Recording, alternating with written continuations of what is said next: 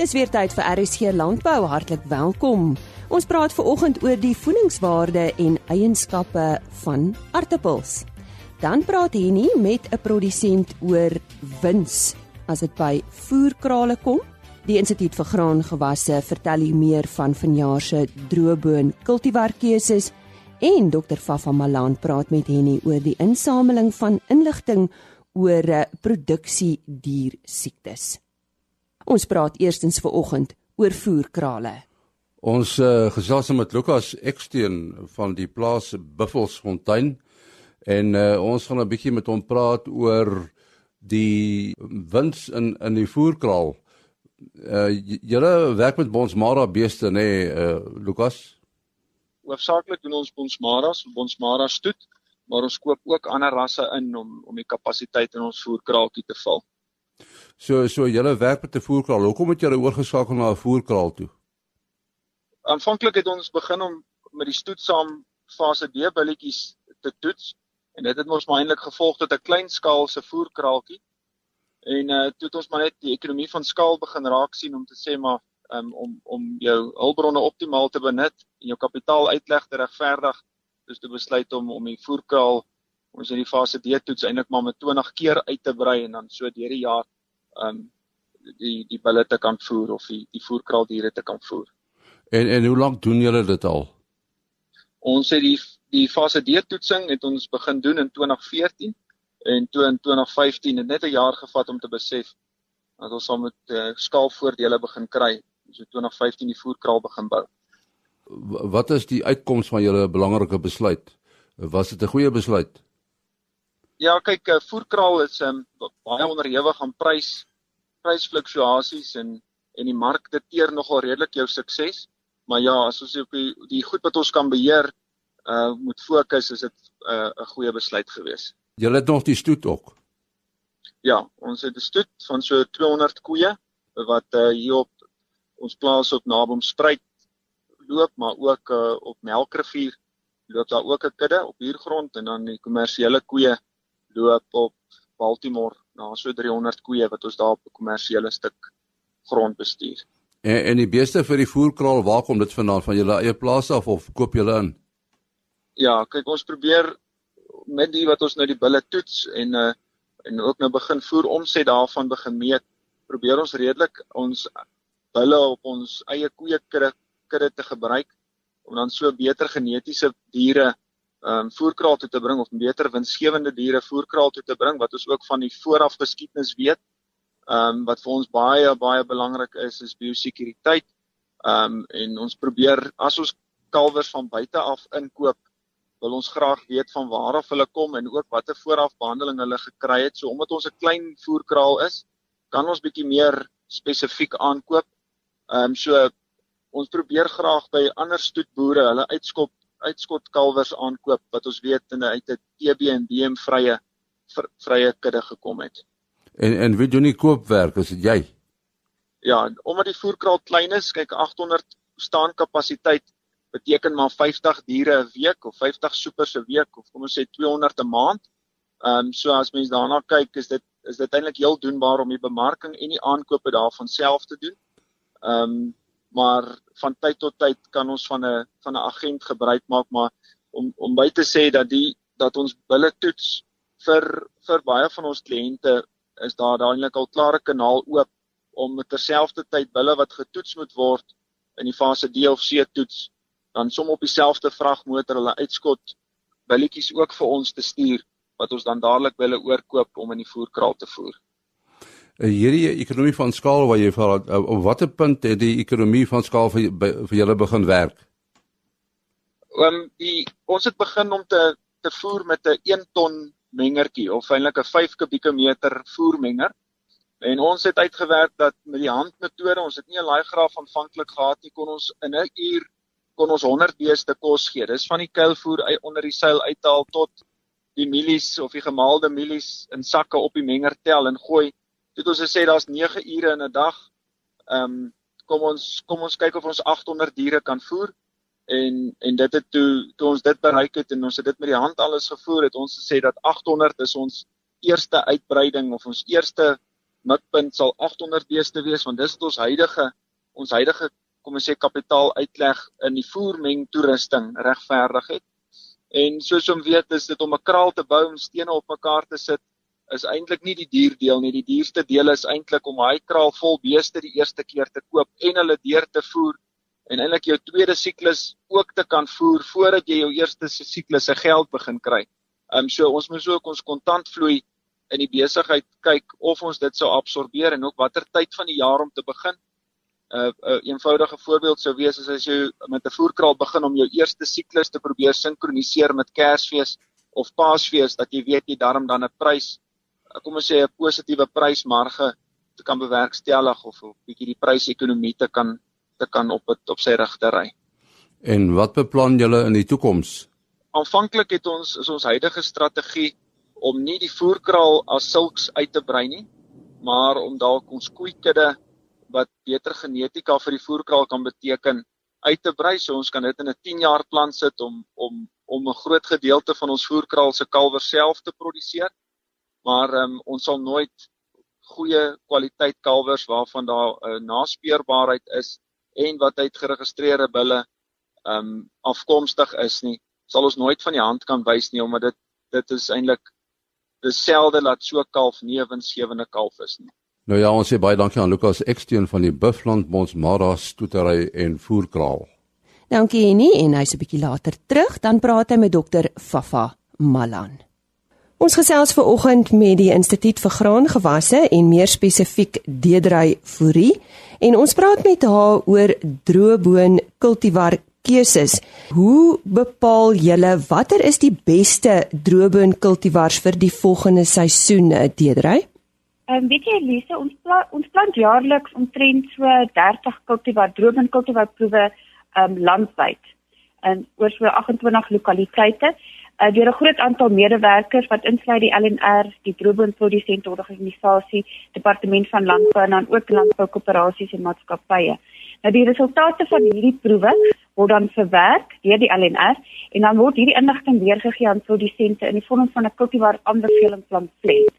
Nou die doel van hierdie pamflet is dan om vir produsente te help om die beste bone kultivars vir hulle omstandighede te kies. Uh dit gee dan ook nie net die uh die die spesifieke jaar se resultate nie, maar ook uh resultate oor 3 jaar. So hulle kan kyk ook oor 'n langtermyn hoe die hoe die kultivars presteer.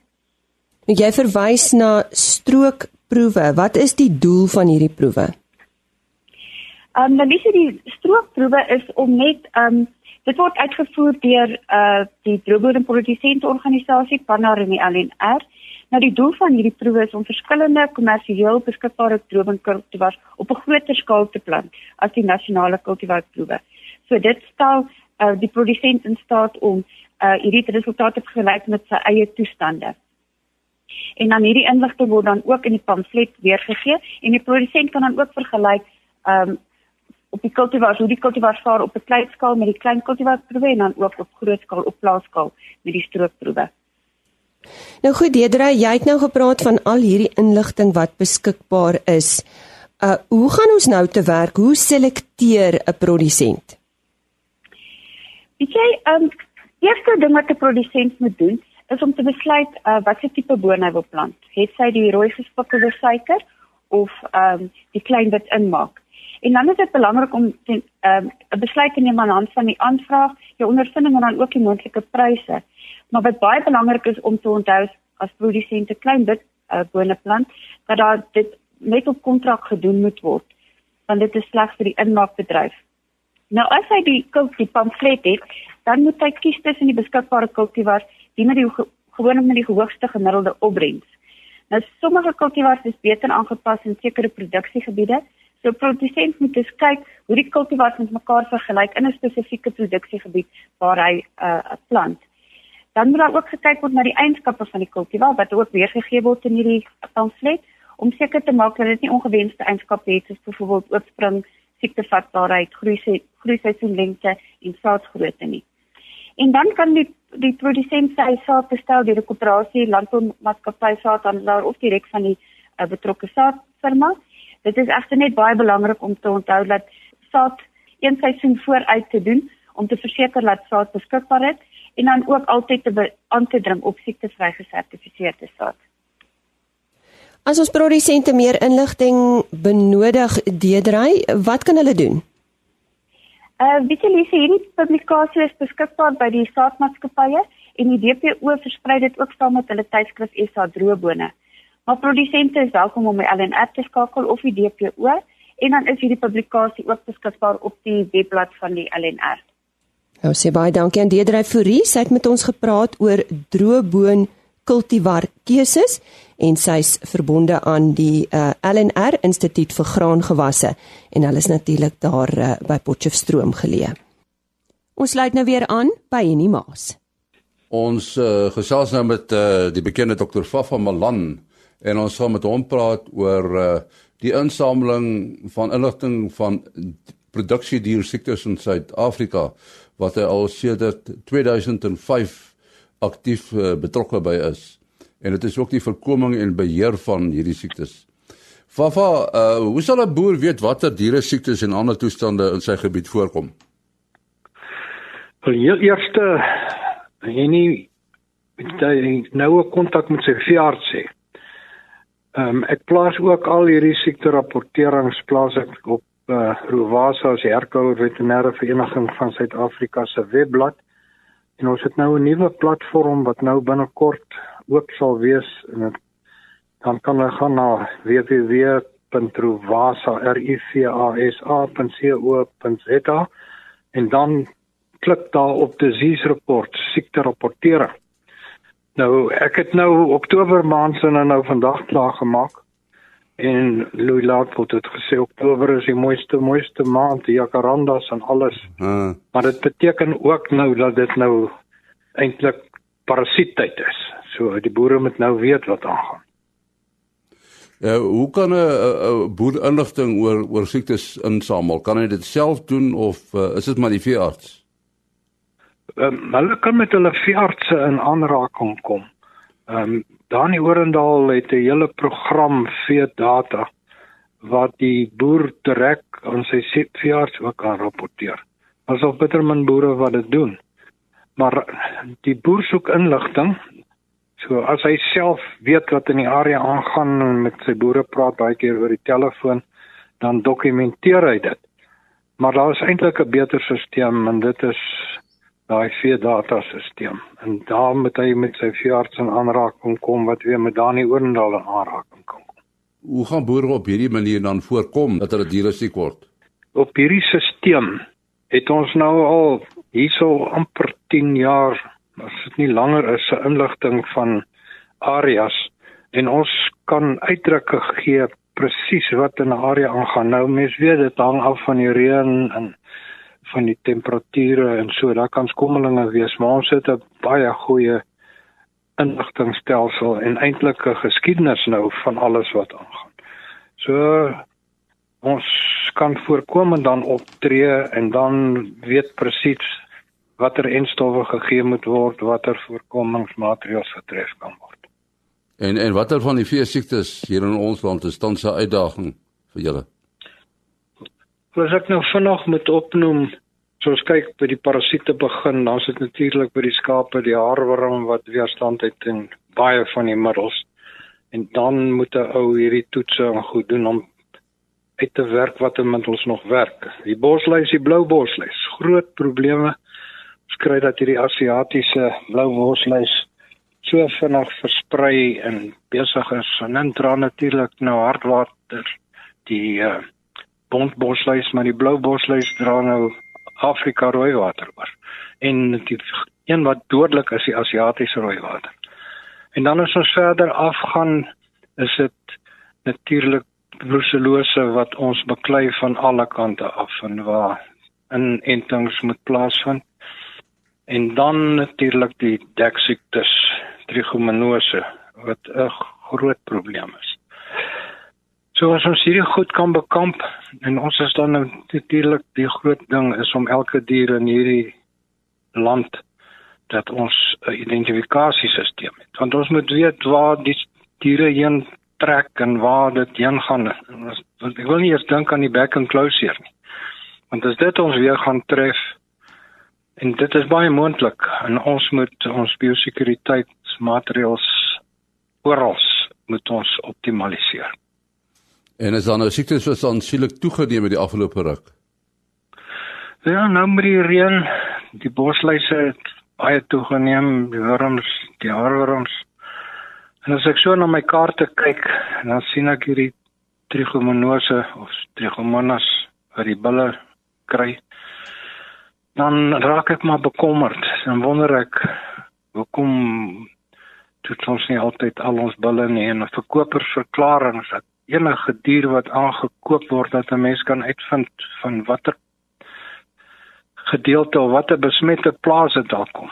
En die onder ons dink aan Joniese siekte wat in die skape is wat ons ook nie van praat nie. En dan EBL, die ensotiese beeslikose by melkdiere.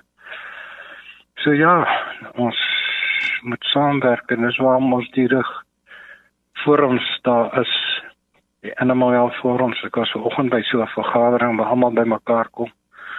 En ons maak planne en ons praat maar praat help nie ons moet dit by die boere op die plaas daar op die grond uitkom.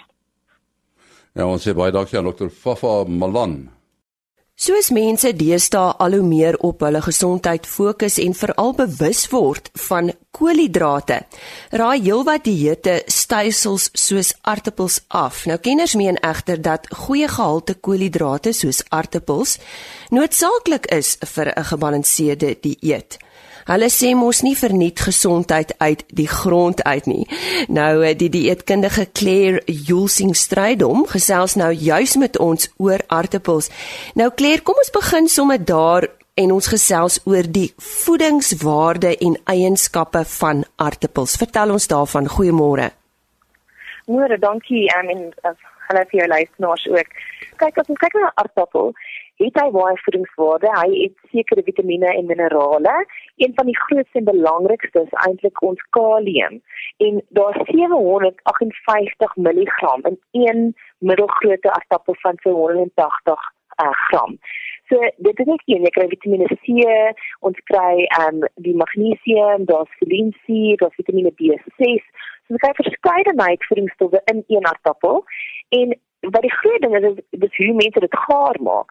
As jy die aardappel skil, verloor ons baie van daai voedingsstowwe, maar as ons om jy weet aan heeltemal aan een hou en ons hou sy ehm um, die die vel af en ons skil hom glad nie, kry ons baie meer van die voedingsstowwe en meer vesel in daai aardappel as ons hom heel hou. Wat is die gesondheidsvoordele as ons nou insluit in ons 'n uh, gebalanseerde dieet daagliks? Also, iets wat ek net jy weet sê is ons kort koolhidrate in die dieet. Jy weet mense is eintlik bang vir koolhidrate deesdae en dink nie as hulle 'n koolhidraat net van kyk gaan hulle gewig optel en dit is nie eintlik hoe dit is nie. Daar's hierdie jaar eintlik in dit was seker se Junie se kant in 2018 en dit is gepubliseer in die Lancet. Dit is een van die grootste mediese joernale in die wêreld en wat hulle gewys het is hulle het gewys mense wat te lae koolhidrate in die dieet het of ook te hoog en nie goeie kwaliteit koolhidrate het 'n hoër um, persentasie van mortaliteit en daai persentasie van koolhidrate in die dieet was enige iets laer as 40 en dan ook hoër as 55. So wat is vir ons wil daai balans terugkry? Ons wil nie heeltemal goeders uitsny. So ons wil 'n aardappel op die bord sien of jy weet volgraan koolhidrate wat vesel het meer as 6 gram per 100 gram. So dit is baie belangrik om 'n balans terug te kry waar mens daai proteïen en daai koolhidraat en dan helfte van jou jou bord dan uh, groente wees om 'n balans terug te bring. As jy kyk na die aardappel, die gesondheidsvoordele daar is daai kalium waarvan ek gepraat het nou net Ons het een van die hoogste insidense van uh, hoë bloeddruk en beroertes in Suid-Afrika. Ehm um, die Heart and Stroke Foundation het, het eintlik onlangs ehm um, die statistiek statistieke uitgesit en elke uur in Suid-Afrika is daar 10 mense wat 'n beroerte kry. Elke uur. So dis dis ontsettend baie hoog. Nou, wat kalium in 'n aardappel doen, is hy bring eintlik daai risiko van hoë bloeddruk af want hy het 'n hy het 'n teenoorgestelde effek van die van die ehm um, die natrium. Die kalium bring dit af en die natrium vat bloeddruk op. So een van die grootste voordele van aardappels eintlik sy sy ehm um, kalium inhoud en hy is ook baie vullend want jy kan 180 gram aardappel eet en dit vergelyk aan jy weet 5 of 6 klein koekies as jy kyk na daai souterige koekies wat die mense op die mark kry wat jy nou met dit met jou tuna en mayo met eet of so iets hy maak nie hy maak nie vol nie so die aardappel gee meer um, ons doen dit satiety eintlik hoe jy, jy voel lekker versadig hy eintlik hy help met jou versadig geit en jy gaan nou minder dan later hierdie dag eet want jy voel jy voel net vol nadat jy daai maaltyd geëet het. Kom ons gesels oor ehm um, oor die aartappel as deel van 'n bord kos. Nou ons eet baie min net aartappels. Watter ander kossoorte kan ons kombineer met 'n aartappel wat dit 'n gesonde kombinasie maak? Okay, so ek dink weet jy wat mense almal het hulle gunstelinge appelgeregte. Hulle maak as ons nou praat van mense wat hulle appelslaai met 'n blikkie kondensmelk maak as 'n voorbeeld. Ek sê vir mense sê vat jou gunsteling appeltjies en maak hom gesonder. So as jy altyd 'n uh, appelslaai met kondensmelk vat dit uit. Sit gebruik heel klein aardappeltjies. Maak hulle gaar in in kookwater. Hou die hou die vel aan die aardappel. Sit bietjie speserye en ehm um, jy weet lekker petersilie en bietjie um, klein microgreens daarbey maak 'n uh, sousie met bietjie mayo maar bietjie yoghurt daarbey jy kan dit baie gesonde manier maak. Jy weet as ons praat van chips mense vat dit uh, aardappel hulle skil hom hulle vat hulle halveer sy vesel om dit daardeur so te doen. Hulle vat hom in 'n braai hulle in in olie. Dit is maar hoe mense chips maak. En dit dit is regtig een van die mees ongesonde maniere om aardappels te gaar te maak want jy kry nou ook baie baie hoë van die verstadigde vette dan in die dieet en ek het eintlik 'n prentjie wat 'n mens 'n bottel uh, olie se vat en die vrou drink dit so uit die bottel en dit gaan in gaan by gesig af hierdie olie. En dit is wat jy doen wanneer jy chips eet en jy jy sit dit in daai diep olie. So in plaas van op dit so gaar te maak vat die aardappel hou hom heel sny hom net in in, in skyfies en Het 'n bietjie olyf olie op jou hand en vry dit direk op die aardappel want jy gaan baie minder olie dan nodig hê. Sit hom op 'n lekker plat bakpan en jy kan bietjie kruie bo opsit of bietjie paprika of so daai tipe goedjies en sit hom in die oond en bak hulle so eer. Dit is regtig lekker. Jy skil nog aan. Jy kan nie al daai hoë inname van die vette nie. So dit is my jy weet my doel as 'n dieetkundige ek wil hê mense moet hulle aardappels geniet en dit eet soos hulle altyd dit doen maar net daai klein veranderinge te maak kyk die um, potato is uit uh, aardappels uit Afrika het 'n webblad wat dit is potato nation .co.za en hulle het baie resepte op hulle webblad met en voedingswaarde op die resep. Jy kan gaan kyk en kyk okay as ek hierdie eet, is dit soveel koolhidrate, soveel proteïene, soveel ehm um, vette en ons lekker resepte wat goeie kombinasies van mekaar het. So somme jy weet te maal vleis te vat en om lekker met die vyf verskillende groentes gaar te maak en bo op 'n gebakte aardappel te sit. Dit was regtig lekker idee vir daai webblad. Mm, mm. Claire, jy het vroeër verwys na die Hartstigting en hulle ondersteuning. Nou 'n hele gekookte aartappel is is juis waarna hulle verwys. Vertel ons bietjie meer van hulle um, ondersteuning of onderskraging hiervan. Ja, so hulle hulle het geskryf vir hier, nou vir 'n aartappel om daai daai Stroke Foundation stempeltjie op op 'n heel ge, ge, gekookte aardappel te hê. En dit gaan regtig oor om mense te kry om die aardappel in 'n beter manier gaar te maak. Want soos ek al gesê het, as hy sy as hy as hy heel is en sy sy hy's nie geskil nie. Het hy baie meer voedingswaarde in die dieet as wat ons van skool en in 'n verkeerde manier gaar maak. So daai daai goedkeuring deur die Heart and Stroke Foundation is regtig om te wys ons kan 'n aardappel in 'n gesonde dieet hê. Hy het voordele om beroertes en hoë bloeddruk en kardiovaskulêre siektes te verminder, maar dit is afhangende van hoe ons hom gaar maak. Kleer nou ons kry verskillende tipes aartappel as ons nou na ons uh, uh, gunsteling supermark toe gaan dan is daar soveel om van te kies. Watter aartappels werk die beste vir watter tipe kookkuns? So kry ons nie blus en blus of ons waxy en flowery. So onthou die jou jou nie blus of jou waxy is 'n bietjie harder. Hy's 'n harder aardappel en hy hou sy vorm beter. So hy's goed soos 'n aardappelslaai waar jy waar jou aardappel nog heel wil sien. Wil nie hy wil nie heeltemal pap word nie. Hy, hy wil 'n stewige aardappel hê En as jy nou iets soos 'n kapok aardappel maak, soos jy soos jy eerder van die die ehm um, bliss of die floury aardappel want hy is sagter en hy gaan lekker is sagter kapok aardappel maak en so voort. So dit is ons kan al twee verskillende tipes kyk. En dan uh die voedingswaarde van hierdie tipe aartappels uh wanneer ons dit nou gaar maak, uh, wissel dit?